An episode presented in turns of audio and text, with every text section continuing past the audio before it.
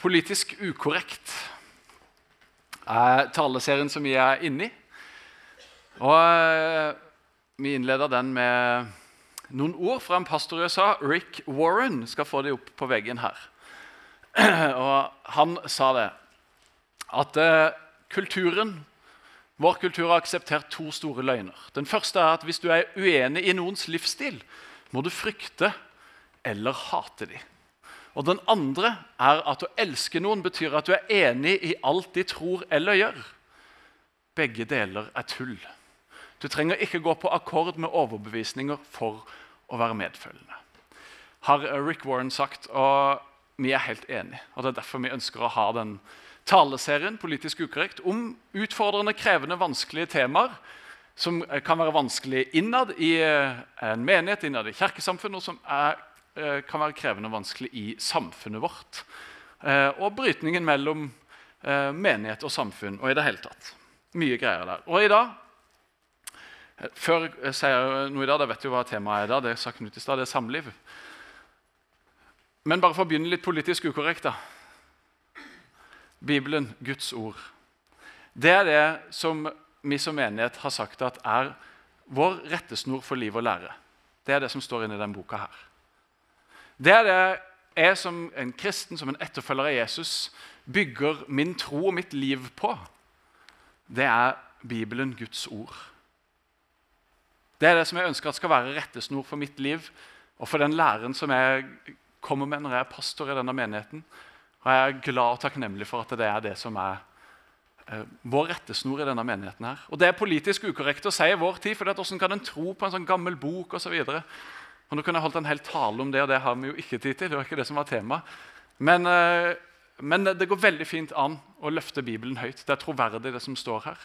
Og det er aktuelt i aller høyeste grad. Og det går veldig fint an å se at dette fester jeg min lit til. Og så er vi politisk ukorrekte hvis den gjør det, og så er det helt fint. Å være politisk ukorrekt. I dag så er altså temaet samliv. Jeg har valgt å kalle talen min for 'Størst av alt er kjærligheten'. Og Vi skal begynne med å lese fra Guds ord fra Bibelen. Rett og slett Fra det som kalles for kjærlighetens høysang. 1. Korinterbrev 13. Hvis du har vært i et bryllup, så har du hørt de ordene her lest. Eh, Nokså garantert. Og I kjærlighetens høysang i 1. Korinterbrev 13 så står det kjærligheten er tålmodig. Kjærligheten er velvillig. Den misunner ikke, skryter ikke, er ikke hovmodig. Kjærligheten krenker ikke, søker ikke sitt eget, er ikke oppfarende og gjemmer ikke på det onde.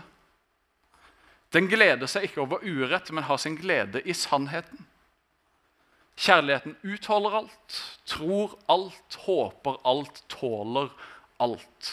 Så blir de stående, disse tre tro, håp og kjærlighet. Men størst blant dem er kjærligheten.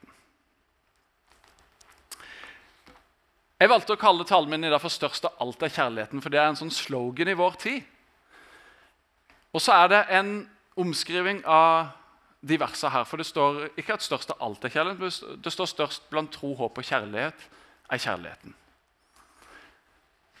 Og så kan jeg helt fint være med på at størst av alt er kjærligheten, fordi at Gud er kjærlighet. Og Det er det som er utrolig viktig med den teksten. her, fordi at Hvilken kjærlighet er det snakk om her? Som er tålmodig, som er velvillig, som ikke misunner, ikke skryter, ikke er hovmodig. Som ikke krenker, som ikke søker sitt eget. Som ikke er oppfarende, og som ikke gjemmer på det onde. Hvilken kjærlighet er det som er sånn? Er det den kjærligheten som gjør at jeg ble forelska i Maria, som er min kone? Nei, det er ikke det. Den kjærligheten den søker støtte stadig sitt eget. For å si det sånn. Og så er det en fantastisk kjærlighet, det òg. Den som er full av følelser, som er full av ja, forelskelse. da. Og Det som er med de versene her, og med Bibelen i det hele tatt, det er at eh, Det nye testamentet det er skrevet på gresk. Og Gresk er et litt rikere språk enn norsk eller engelsk, som kanskje mange av oss har en viss kjennskap til. Der vi har ett ord for kjærlighet, kjærlighet og på engelsk 'love'. Det er det, liksom. Og så er kjærlighet så mangslungent, så voldsomt. Kjærlighet er noe som søker sitt eget, men kjærlighet er jo noe som ikke søker sitt eget. Hvordan får vi dette til å henge sammen? Og hvilken kjærlighet er det her snakk om i 1. Korinterbrev 13? Det er en kjærlighet som heter agape. Det er det greske ordet som blir brukt. Agape. Og Den kjærligheten den er akkurat sånn som dette her. Den er fullstendig uegoistisk. Den tenker ikke på seg sjøl, men den har den andre i fokus hele tida. Og Den kjærligheten den er tålmodig. Agapekjærligheten. Den kjærligheten er velvillig, og den misunner ikke. Og agapekjærligheten det er Guds kjærlighet. Det er den kjærligheten som Gud har vist oss, alle mennesker i hele verden. Og Det er den kjærligheten som først og fremst blir synlig for oss når Jesus henger på korset. Jesu følelser de var 'Kan jeg få lov å slippe?' Så la meg slippe unna. Som han ba i Getsemanehagen før han ble tatt til fange. Og så la han til versa, eller orda, 'Men ikke som jeg vil, bare som du vil'. Det første det var følelsene til Jesus. Den følelsesstyrte kjærligheten. Kan jeg få lov å slippe? Og den andre var 'ikke som jeg vil, bare som du vil'. Så kommer agapekjærligheten inn og overvinner.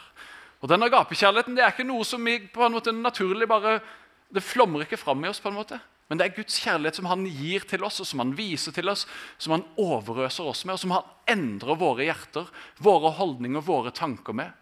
Som gjør at vi kan møte mennesker på en helt annen måte enn det som er naturlig nærmest for oss mennesker. Der vi ser mennesker med andre øyne, med nye briller, sånn sett. Med Guds øyne. Og Da kan vi se sånn som Rick Warren sier, vi kan se på mennesker som mener annerledes om oss enn oss som tenker annerledes, med kjærlighet. Med ydmykhet. Med virkelig et ønske om å forstå, om å virkelig elske. Det er Guds kjærlighet. Det fins et par andre ord minst på gresk om kjærlighet. Det ene ordet det er eros. Vi kjenner fra erotikk, f.eks. Det er den der eh, kjærligheten som er følelsesstyrt, som er romantisk, som oppstår mellom to mennesker. Som bare bobler over, som er vanskeligere å kontrollere og holde igjen enn den er å slippe ut. Ikke sant? Eros. Hvis du har vært forelska en gang, så har du kjent på eros. Så har du filos, som er brødrekjærlighet. Sånn som en har mellom søsken, sånn som er naturlig i en menighet. Vi er glad i hverandre, vi elsker hverandre fordi vi har samme far. Vi har en nabomenighet som heter Philadelphia. Det første delen av fila det kommer av det ordet filos, kjærlighet. Kjærlighet, brødrefellesskapet. Og så er det da altså agapekjærligheten. Eros det står ikke i Bibelen én gang. Den følelsesstyrte, romantiske kjærligheten. Det er agapekjærligheten som er det framtredende i Bibelen. Det er den som skal prege oss og Når en leser de versene her i, i eh, en vielse så, som jeg sa, Det er ikke den kjærligheten som har ført to mennesker sammen, men den kjærligheten er helt nødvendig for at to mennesker skal kunne leve sammen videre i et samliv. Den kjærligheten som ser forbi, som ikke krenker, som ikke søker sitt eget, men som har den andre i fokus. Som ønsker at den andre skal ha det godt. Som er superviktig i et samliv. Yes. Det var uh, litt innledning. Og det var litt gresk undervisning i dag. Som ligger som et bakteppe og egentlig skal gjennomsyre alt. Temaet er samliv i dag. Og så er Det jo sånn at det er ikke alle mennesker som har et samliv. Hva da med deg? Skal vi hoppe bukk over og snakke om deg her i dag? Nei, det skal vi overhodet ikke. Det tror jeg dessverre vi har gjort veldig mange ganger i menighetssammenheng. De som er single, som lever alene, enten de har valgt det sjøl eller ikke valgt det sjøl, som har gjort det hele livet eller gjør det deler av det. Og jeg har veldig liten kunnskap når det kommer til det å leve alene. Jeg ble sammen med Maria når jeg var 16 år gammel. Så jeg, jeg opplever, Det oppleves som at hele mitt voksne liv så har jeg vært sammen med noen. Levd sammen med noen mange år. Så jeg kan jo ingenting om dette. her. Og Dermed var jeg nødt til å sende melding til noen som jeg kjenner, som lever alene, og spør åssen er det Og åssen er det å være i menighet og være alene. Og jeg tror kanskje vi må hoppe to bilder nå. hvis det ikke tar feil, for det kommer først et bibelvers. det skal vi ta etterpå. Hopp videre en gang til. Så skal dere få, Det står masse tekster. Uh, jeg skal lese det. Jeg fikk et kjempelangt og veldig godt svar av den personen som jeg sendte til. Veldig glad for det, og så har jeg trukket noen ting som vedkommende svarer. Så Jeg spurte åssen er det å være singel og aktiv i menighet. Og Så svarer vedkommende noen ganger føles det stusslig og til tider ensomt når de fleste eller ca. alle andre har familie. Kirka kan jo fort virke som en familieaktivitet, i hvert fall i en så stor flergenerasjonsmenighet vedkommende går i vår menighet. Så noen ganger forsterker det lengselen etter egen familie ganske mye. Men mesteparten av tida er utrolig takknemlig for mulighetene det har gitt meg. For at Vedkommende kjenner på de utfordrende følelsene som det er å være en del av et fellesskap der andre har noe som en kanskje ønsker seg, og som, som kanskje formidles som at det er et ideal. Det er sånn det burde være. Og så går en og kikker rundt seg så jeg, jeg har ikke det som jeg burde ha, eller det som de andre har. Og Så svarer vedkommende at til slutt er det mesteparten av tida er utrolig takknemlig for mulighetene det har gitt meg. Og det er det som svaret er gjennomsyra videre. Når en er alene, så har en muligheten til å engasjere seg i enda større grad i menighet eller i andre ting. En har ikke de samme bekymringene for ektefelle eller for barn, for familien. En har ikke de samme forpliktelsene overfor noen som gjør at en må følge opp alle andre steder. Men en kan gjøre det som en har lyst til. Det som en, ja. Og det er en kjempe Velsignelse rett og slett som vedkommende peker veldig på. Og Så spurte jeg litt videre om noen ting, og så spør jeg blant annet, i hvilke settinger og situasjoner er det mest utfordrende å være singel i menigheten. Så svarer vedkommende det kan koste eller kreve litt ekstra av meg å bli med på ting når en kommer alene. Men det handler kanskje òg igjen mer om hvilket fokus og innstilling jeg sjøl møter situasjonene med. Det tror jeg er kjempeviktig. Og Det gjelder oss alle, ikke bare de som er enslige, men absolutt alle oss. Hvilken, hvilket fokus har jeg, hvilken innstilling har jeg når jeg kommer til gudstjeneste? Eller hvor enn det skulle være. Og Så løfter hun fram at sosiale settinger er krevende, sånn som kirkekaffe f.eks. Og så skriver vedkommende, men min egen opplevelse og innstilling i de situasjonene endra seg veldig for min del. Når mitt fokus generelt gikk over fra meningen med livet er familie, til Meningen med livet er å elske Gud og elske mennesker. For hva er det viktigste i livet? Er det å ha et samliv? Er det å ha noen å dele livet med? Er det det ultimate mål å få en ektefelle og få barn? Det er ikke det som Bibelen formidler til oss og forteller oss. Og så er det Eh, på en måte fantastisk når et menneske som da lever alene, kan sette ord på det. For Jeg som har et samliv og som lever i det, jeg kan ikke sette meg inn i å forstå det. Men jeg har den samme utfordringa egentlig. da. Fordi at min ektefelle og min familie kan veldig fort bli en avgud. Som jeg setter over Gud. Som betyr mer for meg enn min relasjon til Gud. Og Det som er hovedbudskapet til Jesus, om at jeg skal elske Gud jeg skal elske mine medmennesker. Så Det er ikke bare for enslige at er, de tingene er en utfordring, men også for oss som lever sammen med noen. Hva er det vi setter høyest? Hva er det viktigste i livet vårt? Og Det kan en jobbe med. og Jeg synes det var fantastisk skrevet.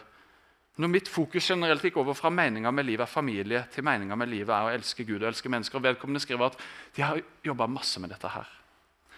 Og så spør jeg, Hvordan kan vi som menighet ivareta single og løfte fram at det er minst like bra som å være gift? Så skriver vedkommende hele verden ellers skriker ut om kjærlighet, forhold, finnen, rette og alle sånne ting. Så kirka burde være det ene sted som i aller størst grad fokuserer på kjærligheten til Gud og til andre mennesker.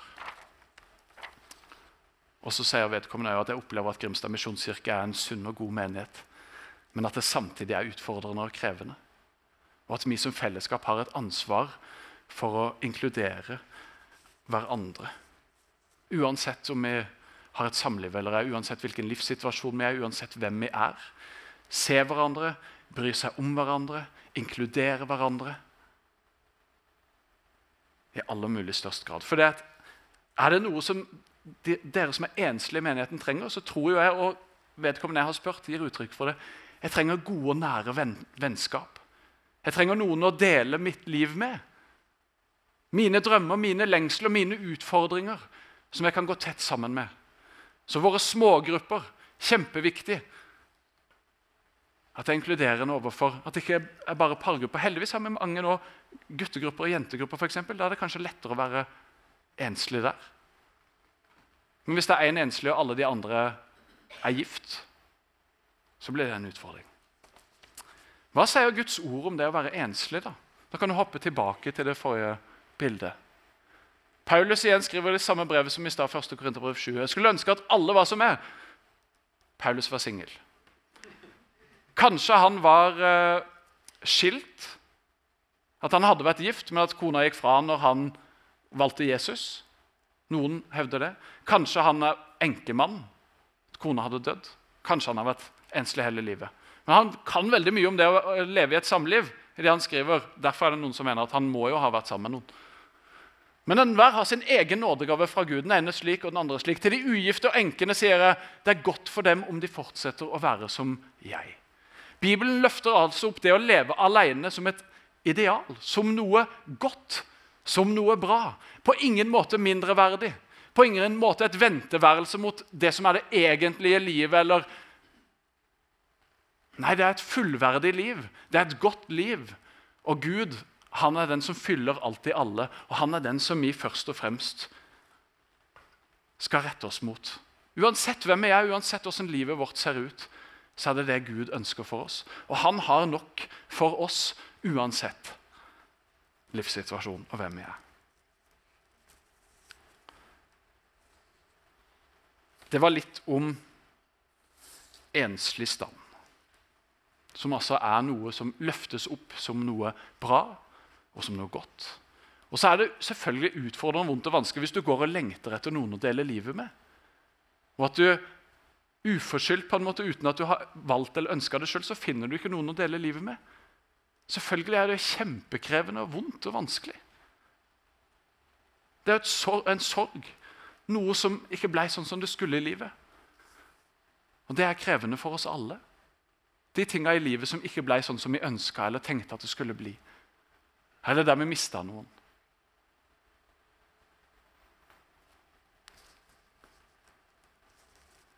Så kommer vi inn på samliv. da. For de av oss som faktisk lever sammen med noen, eller tenker at de skal det, eller vil det. Og Vi skal gå til andre Mosebok, til skapelsen.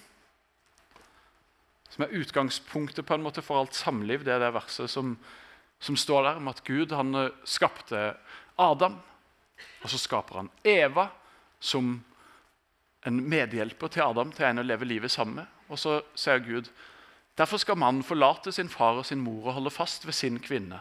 Og de to skal være én kropp. Og dette, Det verset er det gjentar Jesus når han går rundt. Og Dette det er den eneste samlivsformen som en finner i Bibelen. En mann og en kvinne som lever sammen hele livet. Det er det som Bibelen Du finner andre samlivsformer i Bibelen. De har mange koner, og sånn, men dette er det som Bibelen på en måte forkynner at det er måten å leve sammen på. En mann og en kvinne. Den bibelske samlivsformen, hvis vi skal kalle det det. Og Så fant jeg noe spennende i ei bok av Erik Andreassen som han akkurat skrev, som heter 'Kropp'. Som han har stjålet fra noen andre, sånn som alle gode forfattere gjør. pastorer og sånt, stjeler fra andre. Og Det er fire punkter, på en måte fire faktorer i et forhold. skal få det på veggen det De fire faktorene i et forhold Han har stjålet det fra en som heter John van Epp. Det første i et forhold i et samliv, det er kjennskap. Du blir kjent med den personen som er der. på en måte. Du lærer personen å kjenne hvem den er, hva de heter, oppvekst Masse. ikke sant? Det som går på å bli kjent med noen. Det neste steget er tillit. Og Tillit er noe som bygger seg opp over tid jo mer kjent du blir med noen. Og De viser at de er til å stole på. Tilliten vokser. Så ser han at det tredje punktet det er forpliktelse. Det å knytte seg sammen på en måte som ser at nå er det oss. Det naturlige er å få en ring på fingeren og inngå ekteskap. Den sterkeste formen for forpliktelse. Og deretter kommer berøring. Og Så sier han da at graden av den neste faktoren skal ikke overstige den forrige. Det er altså en rekkefølge her. Det begynner med kjennskap, deretter bygger en tillit, så forplikter en seg, og deretter begynner en med berøring. Og Det er, Bibelens budskap om de tinga her. Det er lettest å hoppe til de to siste, kanskje, med forpliktelse og berøring. At en snur på rekkefølge. Altså, i, I vårt samfunn i vår tid så begynner de ofte med berøring. Og så blir en kanskje kjent hvis en gidder, liksom, og så videre. Eller hvis det var interessant nok. Men den modellen her syns jeg er en veldig god modell tror jeg er en veldig riktig modell, for å få et godt forhold som kan vare livet ut sånn som det er tenkt å være. Og Hvis den holder seg til den rekkefølgen, så tror jeg at den unngår mange skjær i sjøen, mange sår, mange vonde erfaringer.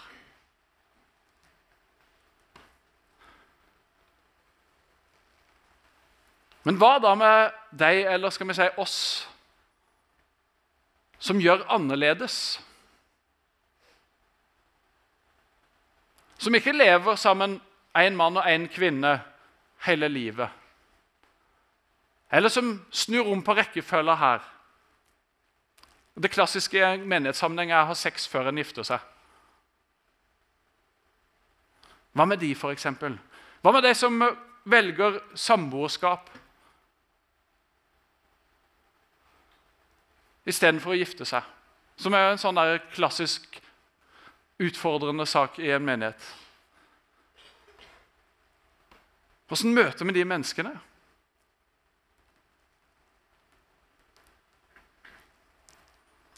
Rent teologisk så syns jeg det er ganske enkelt å forholde meg til den rekkefølgen der. Så syns jeg det er enkelt å si at ekteskapet er det riktige. Det er det Bibelen forkynner. Og samboerskap det, ja, Sånn rent teologisk så er det ganske enkelt å argumentere på en måte for at ekteskap er det rette. Men hvordan møter jeg da mennesker som velger noe annet? Det syns jeg er et enda viktigere spørsmål. Og en mye større utfordring. Åssen møter vi hverandre? Når vi tenker annerledes, når vi gjør annerledes, osv. Jeg syns det er kjempelett å forholde meg til den rekkefølgen der i hva som er den rette rekkefølgen i, et godt, i forhold til et godt forhold. Men jeg har ikke fulgt den rekkefølgen sjøl. Åssen skal jeg da møtes av dere? Åssen skal jeg møte meg sjøl? Rent teologisk syns jeg det er kjempelett i hva skal jeg si, det virkelige liv. Menneskelig sett så er det utfordrende. Og Det kan være lett å stå på noe og mene noe. Men det er ikke alltid at det leder til god dialog, til gode samtaler. Til å løfte meningene og stemmene høyt. Men i den gode samtalen som Knut var inne på den første gangen, så tror jeg at det er fullt mulig å snakke om vanskelige ting. Så tror jeg det er fullt mulig å være uenige om ting. Der vi er fylt av kjærlighet, som er velvillig, som ikke søker sitt eget. For det faktum er at vi er jo i samme båt hele gjengen. Det er ingen som er noe bedre enn noen andre her. Vi har gått på ulike skjær.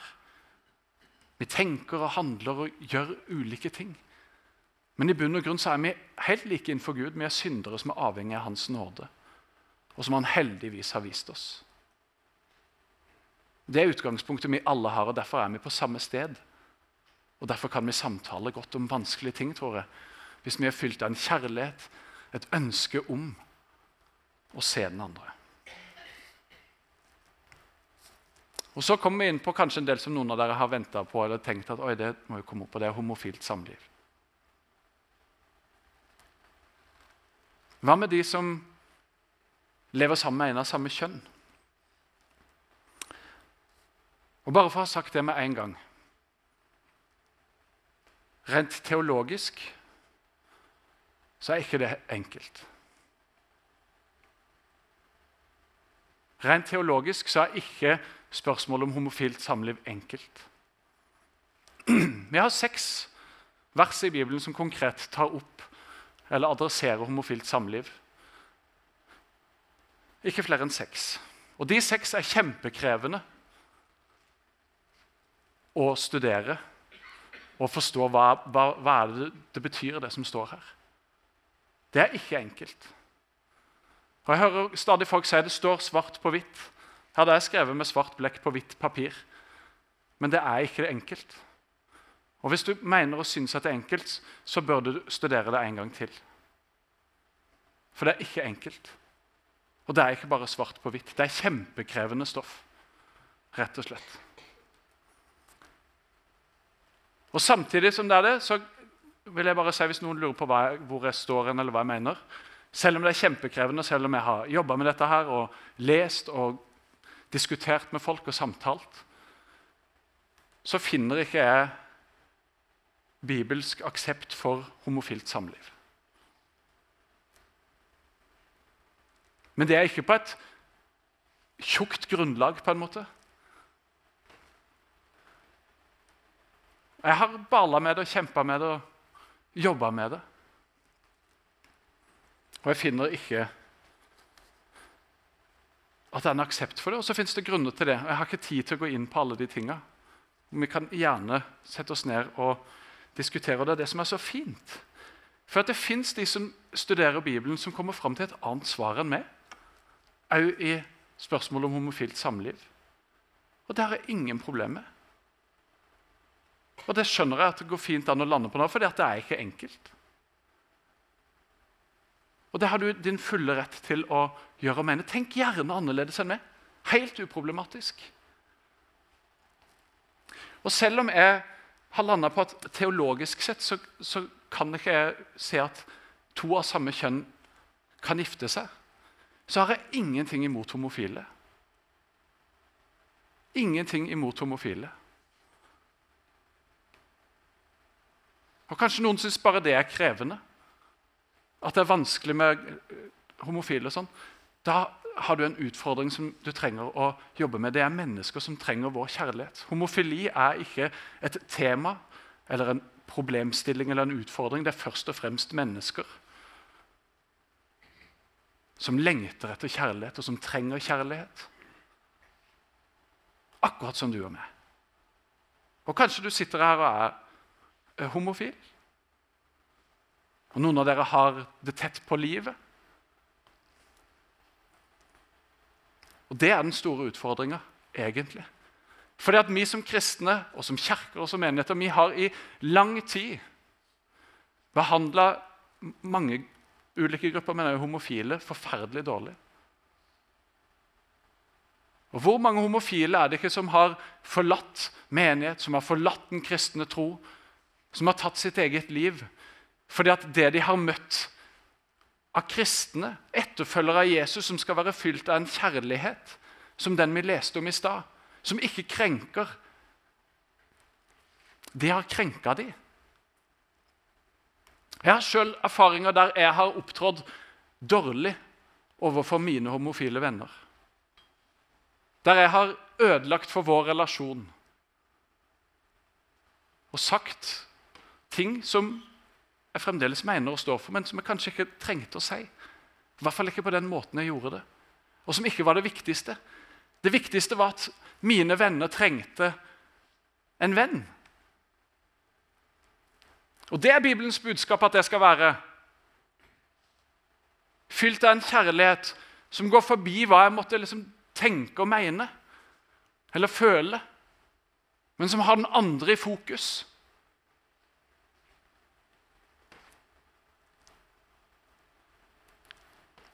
Og Det er hovedgrunnen til at jeg synes at dette er et krevende tema. Fordi at det handler om mennesker som har opplevd så mye vanskelige ting, som har utfordrende situasjoner. Og som vi dessverre ser altfor lite i kristen sammenheng. Hvordan kan vi inkludere òg de, tenker jeg?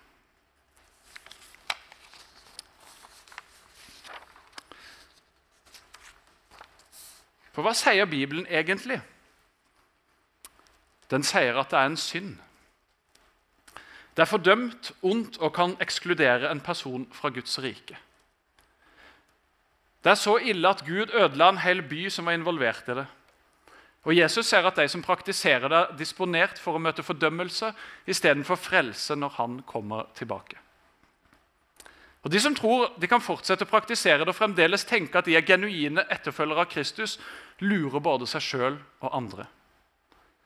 Likevel har kulturen vår akseptert det som en dyd istedenfor en last.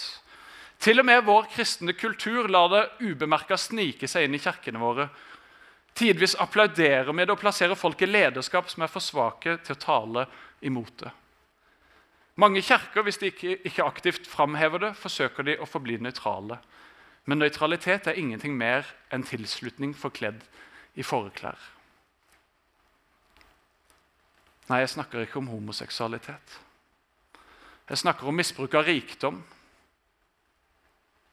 Synden som er fordømt i mer enn 2000 avsnitt i Guds inspirerte ord.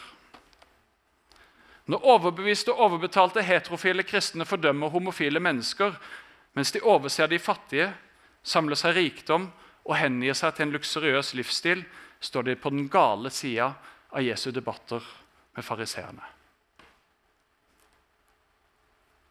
Hvor mange av oss her inne samler oss rikdom til oss sjøl framfor å bry oss om de fattige? Vi hadde akkurat en taleserie 'Penger eller livet' der jeg sa flere ganger at den største utfordringa vi har i vår tid, den største synden som vi har, det er at vi samler til oss sjøl. Det er vår materialisme, våre penger, vår rikdom, meg, mitt. Og Er det noe som er adressert mye i Guds ord, i det som er vår rettesnor for liv og lære, så er det hvordan vi forvalter pengene våre, og eiendelene våre og materialismen vår. Og som jeg sa i stad, vi er i samme båt hele gjengen. Vi er syndere som er avhengige av Guds nåde. Det er det som er utgangspunktet for oss som mennesker. Og hellig er Jesu navn, og vi er heldige som får lov å samles i hans nærvær. Det er kun av nåde, kun av den kjærligheten som han har gitt oss, at vi kan samles her. Vi er ikke gode nok noen som helst av oss. Vi driter oss ut gang etter gang etter gang. Og I tillegg så setter vi merkelapper og skillelinjer på hvem som er innafor og hvem som er utafor. Det handler om å følge Jesus.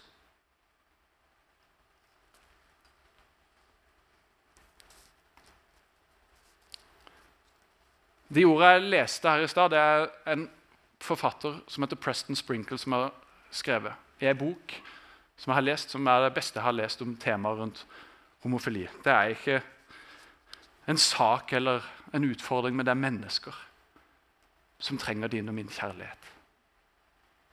Akkurat som du og meg gjør det. Og For bare noen dager siden, i Dagen, den kristne avisa Dagen, så var det et intervju med en kar som heter Simon Stisen. Kanskje noen av dere leste det. Han var pastor, han vokste opp som eh, en kristen familie. Når han kom i puberteten, så kjente han eh, på homofile følelser. Han begynte å hate seg sjøl, kunne ikke se seg sjøl i speilet. Sa til Gud hvis ikke du gjør noe før jeg er 18 år, så er det over og ut. Så reiser han til USA, til broren sin som går på bibelskole, kommer inn på et møte og blir møtt av Guds kjærlighet og får radikal, et radikalt møte med Jesus. Han reiser hjem, han og vennene sine har skolelag på skolen. Folk blir helbreda, det er svære bønnemøter, masse vekkelse skjer i Mandal. 21 år gammel blir han pastor i Oasen i Mandal. 28 år gammel så gjør han det slutt med kjæresten sin, ei jente. Han gir fra seg pastorkallet sitt og flytter til Oslo. Han visste at jeg kan aldri gifte meg med henne, hun er min beste venn, hun er fantastisk, men det er ikke reelt. Det er ikke ekte kjærlighet her. følelsesmessig kjærlighet. Og i intervjuet, Jeg syns det var et fantastisk intervju. Det var utrolig sterkt å lese. Så ærlig, så åpent, så ekte og så fantastisk, rett og slett. Og om å leve alene, Det var det han prøvde først. å leve alene, Så sier han til slutt forsto at jeg ikke klarte det heller. Jeg ble deprimert og syk. Jeg er ikke skapt for å være alene. Det sier jeg jo Jesus. Noen er skapt for det, andre ikke. Jeg tror jeg er en av de som er skapt for ikke å være alene. Jeg tror ikke jeg hadde klart det. Jeg tror ikke det hadde vært sunt i mitt liv. Og Så sier han videre jeg vet at jeg skuffer mange. Folk må gjerne dømme meg. Men jeg er bare et menneske som etter beste evne prøver å leve så godt jeg kan i tråd med Guds ideal. Og så er jeg fullstendig klar over at jeg ikke klarer det. Jeg må være ærlig. Og ærlig er når jeg med handa på hjertet sier at det å følge Jesus er det beste valget jeg har tatt. Det er det beste valget vi kan ta. Det er å følge Jesus. Alt jeg ønsker meg, er et åndelig hjem. Jeg trenger ikke at det hjemmet skal applaudere alt jeg gjør. Men jeg trenger et sted hvor jeg kan få hjelp til å sette fokus på Jesus. Er det derfor vi òg er her? Er det for å få hjelp til å sette fokus på Jesus, til å følge etter han, til å leve sammen med han? Eller er det andre grunner til at vi samles?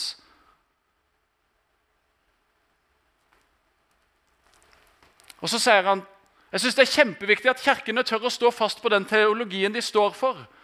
Jeg kunne gått i en homoliberal kirke jeg kunne gått i en kirke med et konservativt syn på homofilt samliv. Men jeg kunne aldri gått i en kirke som gir etter for ytre press for å endre teologien. La kirkene selv bestemme hva de vil mene. Særbestemt. Han er så reflektert. Det er i hvert fall sånn Han framstår Han framstår så moden. Han framstår som en som elsker Jesus. Og Så lever han sammen med en mann han er kjæreste med Henrik Asheim heter, i Høyre. Som er en sånn nestleder der. Men jeg kunne på ingen som helst måte ha lukka døra for han og sagt at nei, du kan ikke være med i Grimstad misjonskirke. I mine øyne så er han langt mer from enn meg. Og så mener vi sannsynligvis forskjellige ting.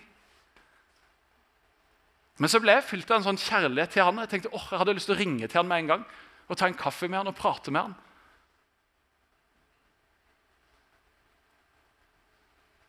Og Dette tenker jeg er mer realiteten. Kanskje noen av oss tenker når vi tenker homofili, eller sånne ting, så ser en for seg pride-parader og lakk og lær og fri sex og sånne ting.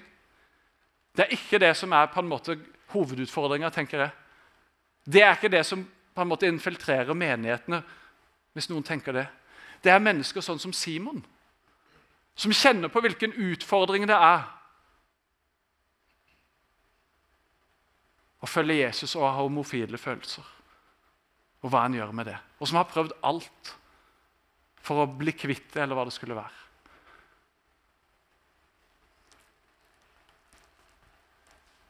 Hvordan kan vi ta vare på de menneskene som vokser opp i vår menighet, som har sånne følelser? Kan det være trygt for deg å sette ord på de tingene de føler på? At det er noen å komme til som de er trygge på og stoler på? Det er min bønn, og det er mitt ønske. Og det syns jeg er viktigere enn akkurat hva en står for og mener i forskjellige saker. For det handler om mennesker.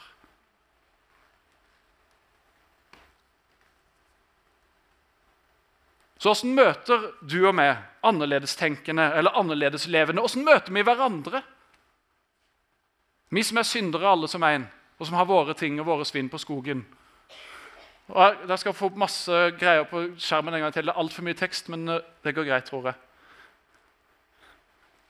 Vebjørn Selbekk, redaktør i avisa Dagen. Tydelig kristen, som har vært ute mange gang, og meint mye. Niklas Baarli, programleder i TV 2. Homofilt, gift med en mann. De to skulle sammen på Farmen kjendis i fjor. Og På Farmen kjendis så sier Niklas Baarli jeg har debattert med Vebjørn om homoekteskap i kirka før og vært eitrende forbanna på han. Så idet vi skulle møtes her, så var jeg klar til å ta den kampen. Men da vi satte oss ned ved kjøkkenbordet og kunne snakke om dette som vanlige folk og venner, så var det en fantastisk opplevelse. Sier han før han skyter inn. Ja, vi er uenige om ting. Men Vebjørn er oppriktig, og det trodde jeg aldri skulle komme ut av min munn. En fantastisk mann. Det er noe av det som kan skje rundt et kjøkkenbord med den gode samtalen, der ikke holdninger og meninger skaper avstand, men der kjærlighet knytter sammen. Det var veldig hyggelig å bli kjent med han på en annen måte enn tidligere. TV 2 ringte han opp senere. Han er oppriktig en av de varmeste personene jeg har møtt, og det er virkelig på tide at noen sier det høyt i media. Han som er blitt betegna som en mørkemann, som har tydelige meninger og er politisk ukorrekt så det holder. Han blir elska av en av de som lever annerledes enn det han mener er riktig ut ifra Bibelen. Og så ser Vebjørn Selbekk vi lærte både å akseptere og like hverandre uavhengig av om vi var enige eller ikke. og Det var kanskje ikke bare med han Niklas, men med alle der inne på gården. Det tror jeg faktisk er en nøkkel til å leve godt sammen i vårt multikulturelle samfunn med ulike religioner, legninger og politisk syn. Jeg gikk ut av den gården som et rikere menneske enn jeg gikk inn. Jeg tror vi alle har mye å vinne på å nærme oss hverandre. Istedenfor å ha skyttergravskriger der vi skriver stygge ting på Facebook osv., virkelig sette oss ned ansikt til ansikt med mennesker og bli kjent med dem for den de er. Og så kan kjærligheten få lov å gjøre noe i oss og gjennom oss. Samtale, dialog, vennskap, kjærlighet, toleranse. Vi er alle i samme båt. Vi er alle syndere som er avhengige av Guds nåde. Og heldigvis har Han gitt den til oss. Heldigvis er alle vi mottakere av Guds kjærlighet. Han gir den til oss alle, uansett hvem vi er, uansett hva vi mener, uansett hva vi står for. Uansett hvordan vi ser ut, uansett hvordan vi lever. Så er vi elska av Gud, og det er helt ufortjent. Det er ikke pga. noe som helst. Men det er helt ufortjent. Så elsker han du, og så elsker han meg. Og Kjærlighet det er ofte symbolisert med et hjerte. Det er kanskje Eros-kjærligheten, men agapekjærligheten er også et symbol og det er korset. Størst av alt er kjærligheten. Hvilken kjærlighet? Jo, Guds kjærlighet. Agapekjærligheten, den som Jesus viste oss på korset, da han til tross for sine følelser ga sitt liv for din og min skyld. Betalte for vår skyld, vår skam, vår synd. Alle våre ting.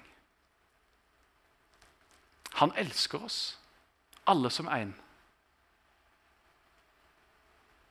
Han har gitt oss sitt ord, der han sa at vi skal elske han, vi skal elske hverandre.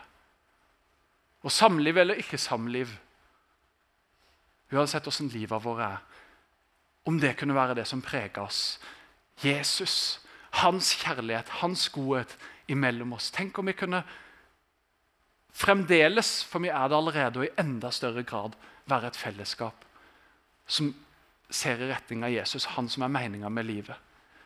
Der vi sammen går i retning av korset. Der vi kan få lov å ta imot den ufortjente kjærligheten som han har til oss.